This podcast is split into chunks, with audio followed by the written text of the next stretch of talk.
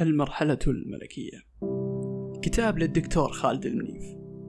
حصلت على هذا الكتاب عندما انتهى أخي الصغير من قراءته حيث وضعه على مكتبي ولم يقل عنه شيئا بل أبقاه هناك. ظل ذلك الكتاب على مكتبي طويلا. أنقله لأرتب مكتبي ثم أعيده لأهمله. ثم في اليوم الخامس والستين من الحجر المنزلي أخيرا أتاني الفضول لقراءته. في اللحظة التي فتحت فيها ذلك الكتاب. لا أعلم كيف ولا أدري لماذا وجدت هذا الكتاب يخاطبني أنا. وجدت أنني أقرأ لرجل لم يرني قط في حياته. يحدثني عن عمق مشاكلي بل ويوجهني بما يخاطب عقلي وقلبي معا. اعتدلت في جلوسي وقرأت دون ما إحساس بالوقت 25 صفحة. في تلك الأثناء كانت كل محفزات نشاط الدماغ تتسابق في عقلي. بل وتسري في عروقي. أقرأ وعقلي غير مستغرب من تسارع نبضات قلبي رغم جلوسي على كرسي مكتبي. أقرأ وأنا غير متفاجئ كيف وصل هذا الكتاب للنسخة التاسعة وموسوما على غلافه بأنه الأكثر مبيعا. توقفت عند نهاية الفصل الثالث لأنني أدركت أن مثل هذه النصائح يجب أن تبقى معي. من عاداتي الغريبة أني لا أضع نقطة على ورقة في كتاب نهائيا. بل أن هذا المنظر قد يثير غضبي. وذلك ببساطة تواضعا مني لكاتب الكلام. حتما هو شخص أعلم مني وليس لكلامي على صفحات كتبه مكان. وإن كان كلاما مني إليه ولكني وجدت أني أحمل قلم رصاص. يبدو أنني أردت مسح ما وضعت على صفحات الكتاب لاحقا لكنني كنت أضع خطوطا ونقاطا بل ونجوما. ليس ذلك فقط بل أنني شعرت أني أحتاج أن أتذكر ما أفادني من هذا الكتاب لمدة طويلة قبل أن تصبح عادات راسخة وطباعا دائمة لكنني غالبا لن أستطيع قراءته مرة أخرى. مما دفعني للتوقف وفتح جهازي وبدء الكتابة فورا. عنونت الملف بعنوان تذكر دائما ثم وجدت أنني لن أتذكر إن وضعت ما أفادني كنقطة بعد نقطة بعد نقطة. بل أن ما سيكتب سيفقد روحا من روحه. إن نقلته بهذا الشكل كنقاط يجب تذكرها لاحقا فحسب. فقررت أنني سأكتب عن المكتوب. لم أجد ذلك كافيا لتذكره. فخلصت أنني سأقرأ ما كتبته الآن. بل وأسجله لمن بعدي. باغيا بذلك وجه الله سبحانه وأن أفيد غيري بما أفادني أنا. كما أنني وبكل صراحة أحب تدارس الكتب والاقتباسات. مع من يشاركني اهتمامه بها. وتسجيل ما كتبت. سيعطيني فرصة جميلة لذلك. فما ستسمعه هو ما أفادني أنا. لكن عند قراءتك للكتاب أنا واثق تمام الثقة ولست ممن يطلق كلامه دون ما استطراد. واثق من أنك ستجد أكثر بكثير مما قلت أنا الآن. لماذا؟ لأننا وببساطة أشخاص مختلفون. لدي من المفاهيم ما يختلف عنك لكني أجزم أن كل من سيقتني هذا الكتاب سيتعلم الكثير وأنا لا أبالغ الآن. الإهداء وفهرس الكتاب. أما عن الإهداء فإني لم ألحظ أن الكاتب أهدى الكتاب لنفسه كما يبدو أو قد يكون شخصا مطابقا له بالاسم. وأنا أنقل ما قال نصا. إلى أحب الناس لنفسي وأقربهم إلى روحي إلى خالد بن صالح المنيف فأما إن أهداه لنفسه فهذا الكتاب عمل لو كنت أنا كاتبة. لما وجدت إلا أن أهديه لنفسي لنفسي التي أحبها جدا. وإن كان شخصا آخر وتطابقت اسميهما فهنيئا له من رجل وإني لا أغبطه. أما عن فهرس الكتاب فإني من عاداتي أيضا ألا أقرأه وكأنه سيحرق علي المغزى من الكتاب ويفقدني جزءا من متعته. لكني لم أستطع أن أمنع نفسي عن ملاحظة ثلاثة عناوين. بشكل إجباري وهي صناعة النكد الاحتراق النفسي والغباء العاطفي وهي فصول متأخرة جدا في كتاب كبير لا أراه يقل عن 200 صفحة. لتعود وتظهر عاداتي وأفكاري الغريبة حيث أنني أحترم ترتيب الأشخاص لأعمالهم. فوجدت في نفسي أنني مضطر أن أقرأ كل الفصول لأصل لتلك الفصول الثلاثة. وفي لحظة قررت الهدوء والتمهل قليلا وتذكير نفسي بقاعدة لا أنفك عن تذكير نفسي بها وهي لا ترفع سقف توقعاتك فكلما زادت كلما كانت خيبتك أكبر. فانتقلت دون الاطلاع على بقية الفصول للصفحة التالية وكان فيها الفصل الأول. الفصل الأول المرحلة الملكية. من المنطقي أن يدعني الكاتب أفهم أولا ماذا يقصد بالمرحلة الملكية. فبدأ الكاتب كلامه بما معناه أنك وبعد سنوات من التجارب الكثيرة ستصل للمرحلة الملكية. وقبل أن يذهب لتعريفها فصلها ليشرح لنا لماذا دعاها بالملكية. فقال نصا الملكية ترمز إلى أمرين كلاهما جميل. الأول فخامة المرحلة وروعتها والأمر الثاني يعني أن حياتك ستكون ملكا لك. وستهنأ بممتلكات واسعة من الفرح وراحة البال. هي مرحلة يمتلك فيها الإنسان حياته مرحلة تتسع فيها المدارك وتبعد فيها النظرة ويتسع فيها الصدر. مرحلة تتشكل بعد جملة من الخبرات وسلسلة من التجارب وكم من المواقف يتعامل معها صاحبها بعقل واع وفكر يقظ فيتعلم منها أشياء جميلة وإن أتت متأخرة ولكن أن تصل متأخرا خير لك من أن لا تصل.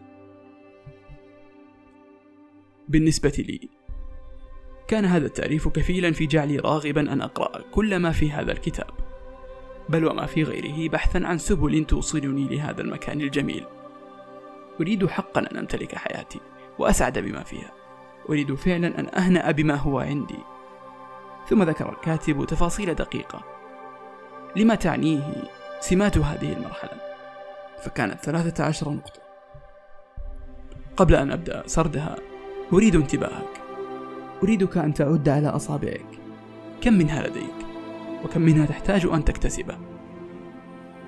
فلننتقل للنقاط نصا كما ذكرت وهي لن تتورط في معارك تافهة لن تسلم عقلك لأحد. لن تحشد الأدلة لإثبات كذب الكاذب. لن تقارن نفسك بأحد. ستدرك أن لا مواقف في الحياة ميؤوس منها. ستدرك أن حياتك رهن تفكيرك. ستدرك أن الهداية بيد الله. ستدرك أن البشر ليسوا ملائكة. لن تعمل بنظام الشمعة المحترقة. لن تتتبع أخبار الناس. ستدرك أن التكيف أحد أسباب السعادة. ستدرك أنك المسؤول تماما عن كل شؤونك. ستعرف أنه لن يحمل أحد عنك هما. فرحت كثيرا عندما وجدت أن سبعا من ثلاثة عشر نقطة كانت لدي مسبقا وليس المقام مقام ذكر وتعداد ولكن فرحتي كانت أني سعدت أن طريقي لهذه المرحلة طريق سهل ولو نسبيا إن شاء الله. ولكني لم أكن لأحزن لو كانت نقطتين من ثلاثة عشر نقطة مثلا.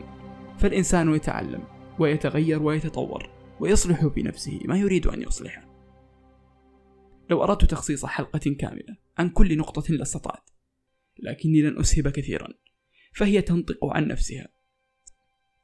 سأعرج بشكل سريع على بعض ما كتب في الفصل الأول فحسب. تكلم الكاتب عن الجدال وذكر نصيحته بطريقة رائعة أنه لن يجر إلى نقاشات عقيمة وسيختار الصمت إن كان الجدال مع من لا يريد أن يقتنع. هنا عزيزي المستمع تفكرت قليلا ولن أخفي عنكم إعجابي الشديد لما أستخدم الكاتب كلمة الجر. حقا نحن عادة نجر إلى الجدالات جرا. وفي حالتي فإني عادة تنتهي جدالاتي إما بخسارة الجدال أو خسارة الطرف الآخر. خياران أحلاهما مر. ذكر بشكل رائع أنه لن يضايقك تافه الأمر. ذكر أن سهام الأحكام على الآخرين. لن تنطلق ما دمت لم تسلم عقلك لأحد ولن تتعب نفسك في فضح الكذبة من الناس. ذكر أن الهداية بيد رب العالمين وقال نصا فالبعض قدره أن يكون جاهلا والبعض قدره أن يكون عالة على الآخرين والبعض قدره الغواية ولو صببت المواعظ عليه صبا. إن لم أتوقف عند هذه العبارة فإني لا أعلم أين يجب أن أتوقف بعد ذلك. أحببتها جدا. فتحت في داخلي بابا لم أعلم أنه موجود أصلا.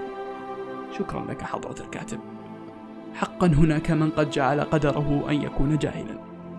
ليس لعدم وصول العلم له لكنه اختار الإعراض عنه والاستكبار عليه وكأن تواضعه سينقصه ولو تفكر لوجد أن النقص كل النقص في تكبره على حقيقته.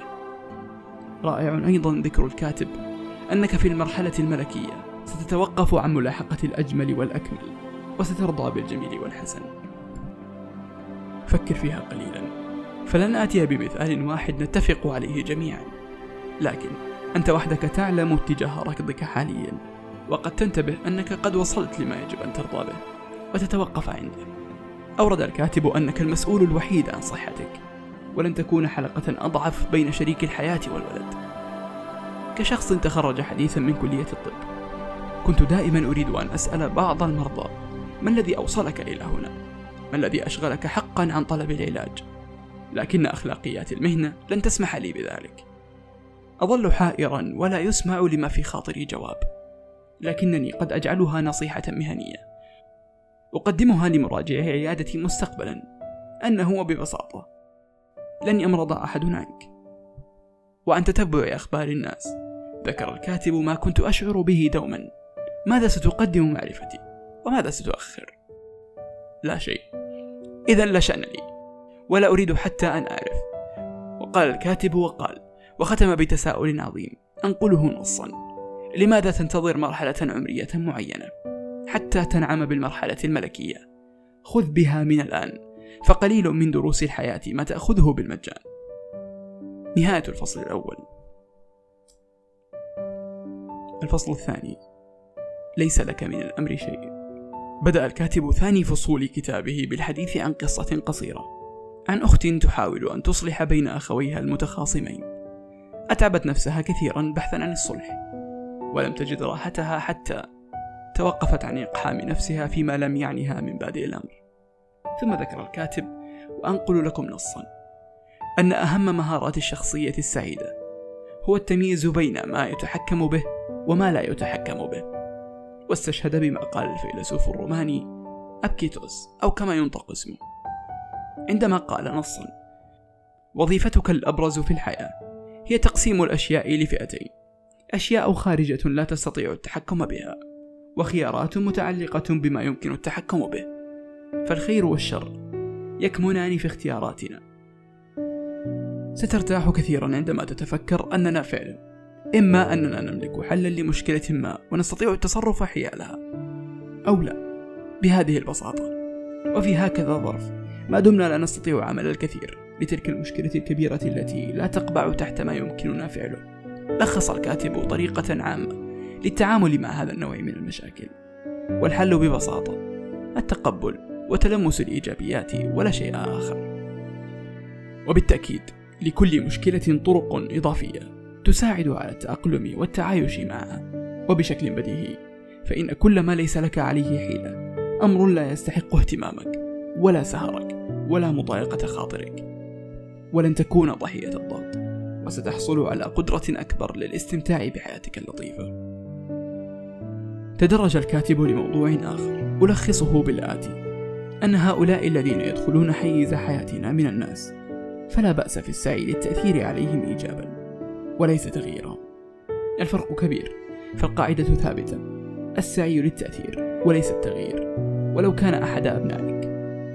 ثم كعادة الكاتب أورد حديثا بالغ الروعة وقال نصا أبذل جهدك فربما تؤثر ولكن تأكد أنك مهما حسن أسلوبك وبذلت جهدك فالتغيير ليس مضمونا ولنتذكر دائما أننا لا نستطيع التحكم في تصرفات الآخرين ولكن طريقة التفاعل معها والاستجابة لها هي أمور بأيدينا وتلك نعمة من الله. انتقل الكاتب للحديث عن التحكم بالآخرين والوصاية عليهم وذكر أن ذلك قد ينشأ لدى شخص ما للسيطرة على قلقه ظنا أنه إن تحكم في كل أمر فلن يبقى هناك شيء للقلق حياله في حياته. وذلك غير صحيح بالتأكيد فقدرة تحكمك لن تتحكم بكل شيء. يجب أن يتذكر الشخص حجمه ومنهم من يظن أن قدرة السيطرة على الآخرين دليل مقدرته على النجاح. والدافع الثالث ويا له من دافع نبيل وهو القلب المحب لغيره. أنهى الكاتب فصله الثاني بنصائح ثمينة لعل أقربها لنفسي كان توقف عن بذل الجهد والطاقة لأمور بذلت فيها السبب. نهاية الفصل الثاني. الفصل الثالث الحفلة المشؤومة. قبل البدء بالفصل الثالث. اسمح لي عزيزي المستمع أن أنبهك أنك ستستمع لفصلين متتاليين. يكملان بعضهما بعضا. فاحرص على استماعهما معا. إن كنت على عجلة من أمرك ولا تستطيع الاستماع لهما سويا فأنا أنصح بالإيقاف والإكمال لاحقا. حرصا على وصول الرسالة بشكل متناسق ومفهوم. كلنا نحتفل بين فينة وأخرى. نحتفل للنجاح. للتلاقي بعد فراق. نحتفل لمجرد الاحتفال أحيانا. ولكن هل سمعت من قبل عن حفلة الشفقة على النفس؟ أو ما تعرف بسيلف بيتي. وهي حفلة يقول عنها الكاتب أنها حفلات سيئة تقام بلا مناسبة وبلا مدعوين يعود الكاتب لينبهنا أنها ليست مثل حفلات رثاء النفس عند اقتراب المنية بل هي أسوأ. هي حفلات يتقن أصحابها الشفقة على أنفسهم يلوم فيها المحتفل حظوظه ويشتم ظروفه وقد لا نكون ممن يشفقون على أنفسهم. لكني شخصيا أرى أنه من السهل والسهل جدا أن تدعى لمثل هذه الحفلة وأجزم أنه من الشاق أن تقول لا. فأنت في حالة فشل تضييع فرصة أو غير ذلك.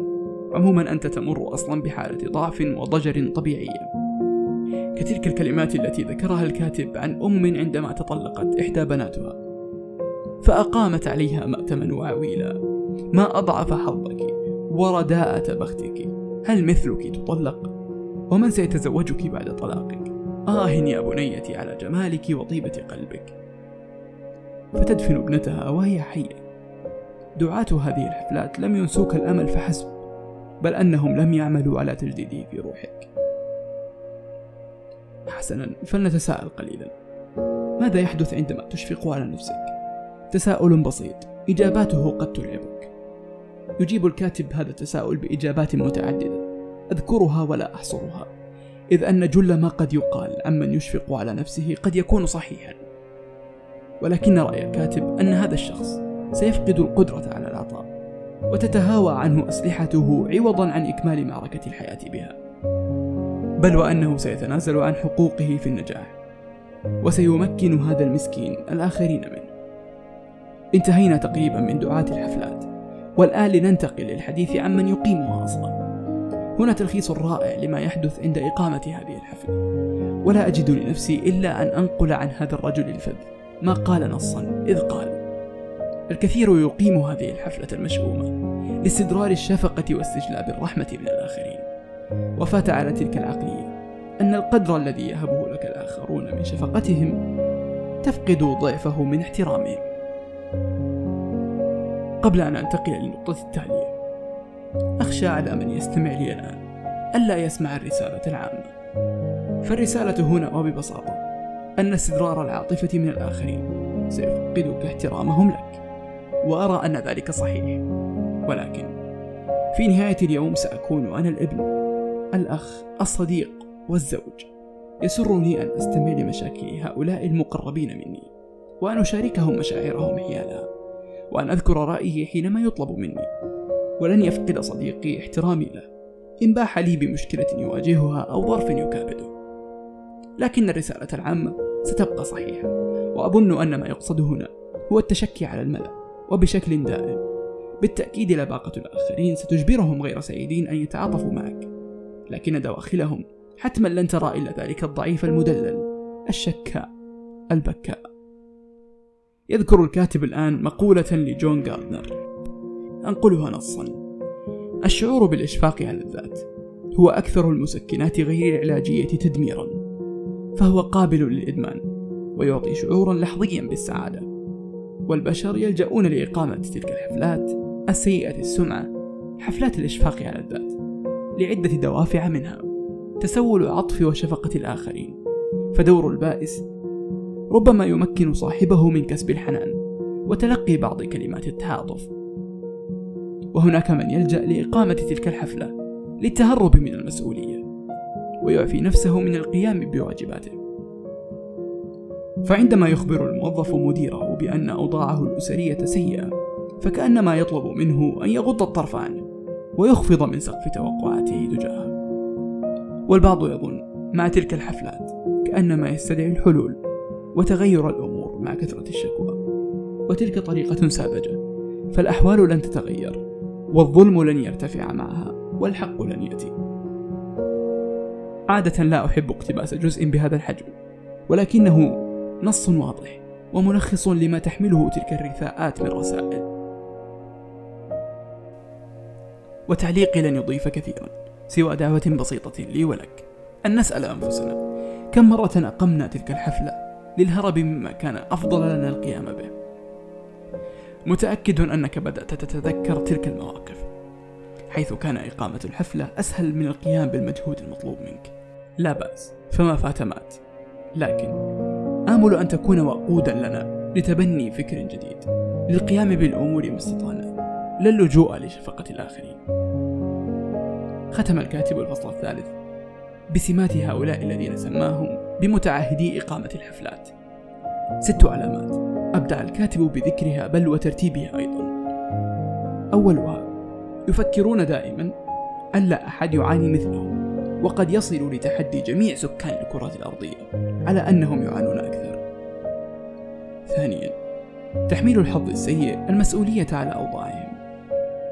ثالثا لديهم اعتقاد وقناعة أن المصائب تنجذب لهم هم دون غيرهم.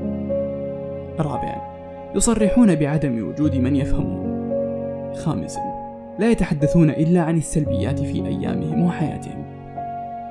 سادسا يعتقدون أن الكل سعيد ومرتاح عداهم.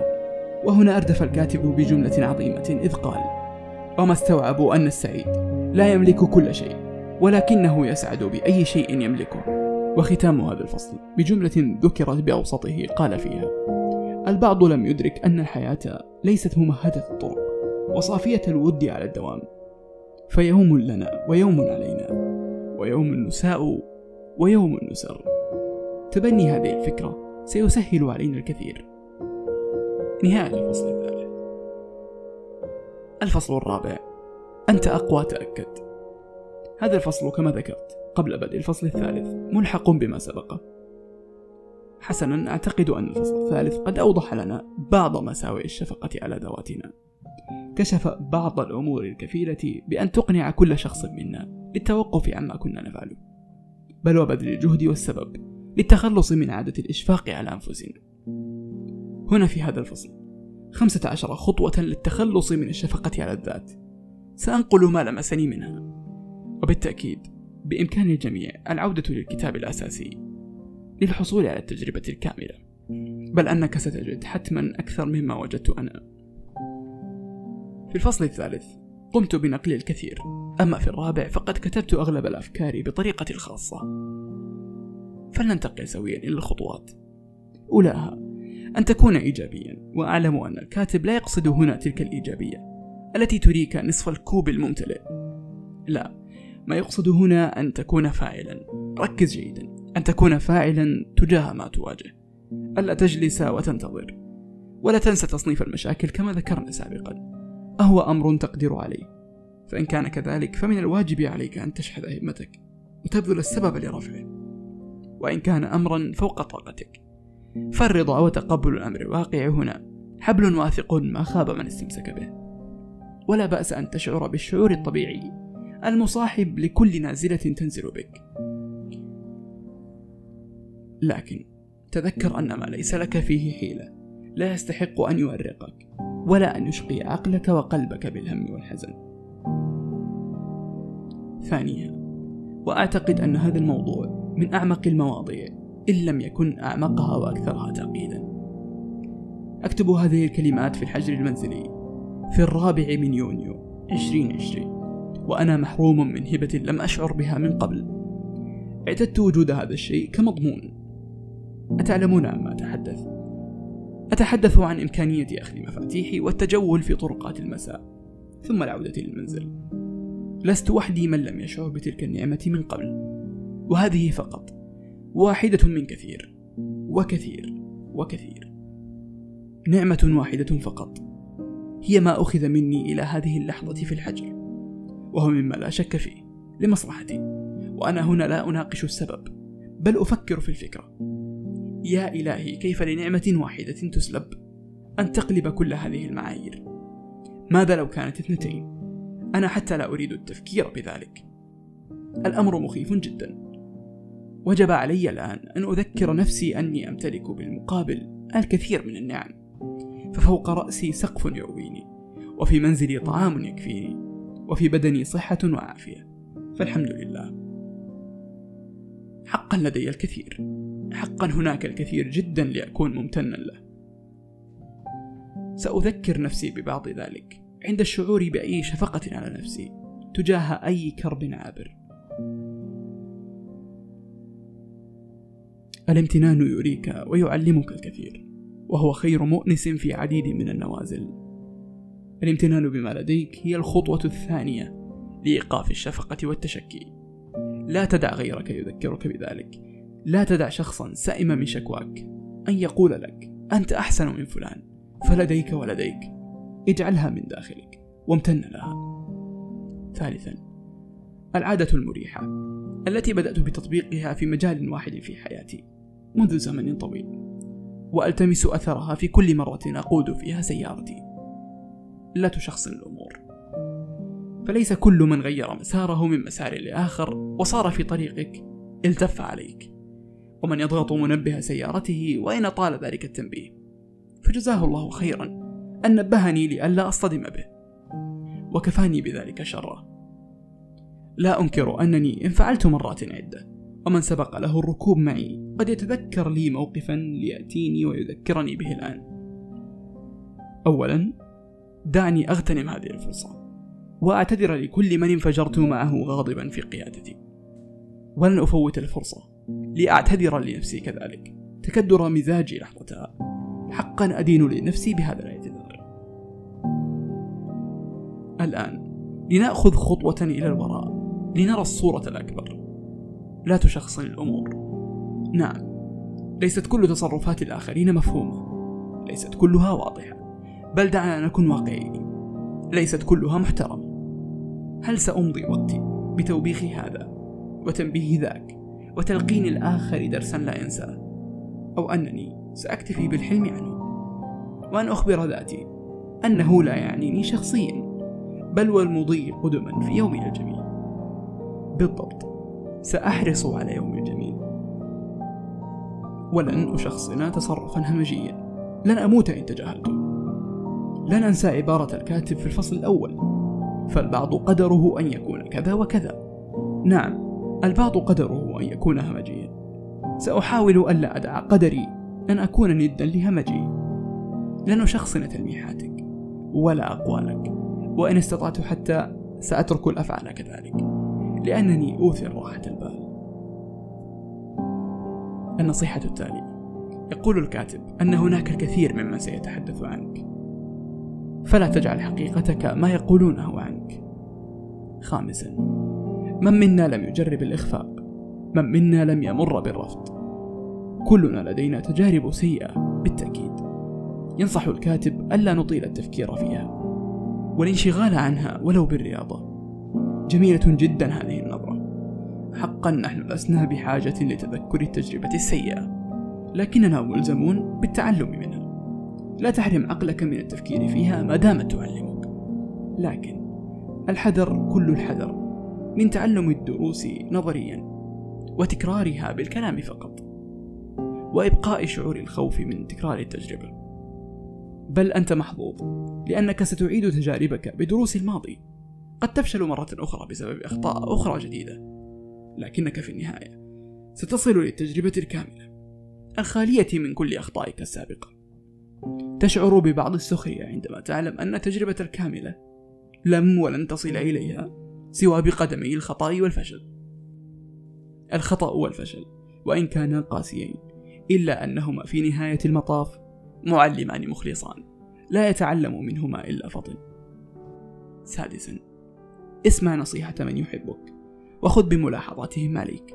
أحيانا بعض النصائح قد تكفيك عناء الخطأ والفشل ببساطة لأن من قبلك جرب وتعلم. كما أن بعض الملاحظات الشخصية يجب أن تكون محل ترحيب منك لا محل دفاع وتحفظ. سابعا. أعتقد أن كلنا لدينا شخص أو مكان أو عمل أو حتى شيء ممتلئ بما يضايقنا إذا كنت تواجه هذا الشيء فعليك بالعمل لتحسين وتصحيح الوضع ما استطعت فإن لم تستطع وهذه هي النصيحة. يقول الكاتب إن لم تستطع ففي الترك راحة والأبدال كثير. أعتقد أنني أستطيع الاكتفاء بهذا النص وعدم الإطالة فيه. أكثر من ذلك. لكني لا أحب من يأخذ الكلام نصا لينتقص منه. أترك وظيفتي. عزيزي الكلام هنا لمن يملك البديل أو من وجوده يضره أكثر من رحيله. كما أنها نصيحة عامة لن تنطبق على سبعة مليار إنسان بالتأكيد. أخيرا النصيحة الأعظم تقوية الصلة بالله سبحانه. لن أسهب أبدا ولن أتحول للوعظ الآن. لكني أحببت أن أقول نصيحة واحدة. لا تنتظر الغد لتعمل الخير أو لتبدأ الصلاة مثلا. إن كنت منقطعا فلا بأس أن تبدأ بالصلاة من الصلاة القادمة التي تسمع أذانها. وإن كان لغيرك حق عندك فخير لك أن تعيده الآن. لا أن تنتظر شهر رمضان أو يوم عرفة أو يوم عاشوراء. وأخيرا الإيمان والعمل الصالح. دائما ما تورث صاحبها كل خير وطمأنينة وبركة. ختام الفصل الرابع. ختاما. لم أنقل كل شيء وأكرر على جمال وروعة الكتاب وما فيه. وبالرغم من هذه القراءة والتأملات السريعة بل والسطحية إلا أنني لا أزال أنصح كل مستمع أن يخوض في هذا الكتاب تجربته الخاصة. لا أعلم إن كان سيصل شكري هذا أو لا. لكني لن أفوت الفرصة. لشكر الكاتب. الدكتور خالد. وشكرك أيضا عزيزي المستمع. سأكون سعيدا جدا إن حصلت على الفائدة من أولى حلقات هذه السلسلة. وسأكون أسعد. إن شاركتها مع من تعتقد أن هذه الحلقة مفيدة له سأسعد بالتأكيد بمناقشة وتدارس الأفكار الواردة في كل منصة ممكنة. ستكون الحلقة القادمة بإذن الله قريبا في الفصول الثلاثة التالية وهي فلسفة السعادة عند الأدباء أنا من ضيع الشلل وذكاء المسافات.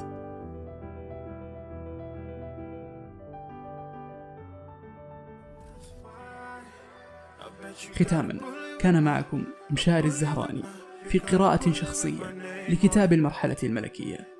أترككم في حفظ الله. كونوا بخير. كونوا ملوك حياتكم.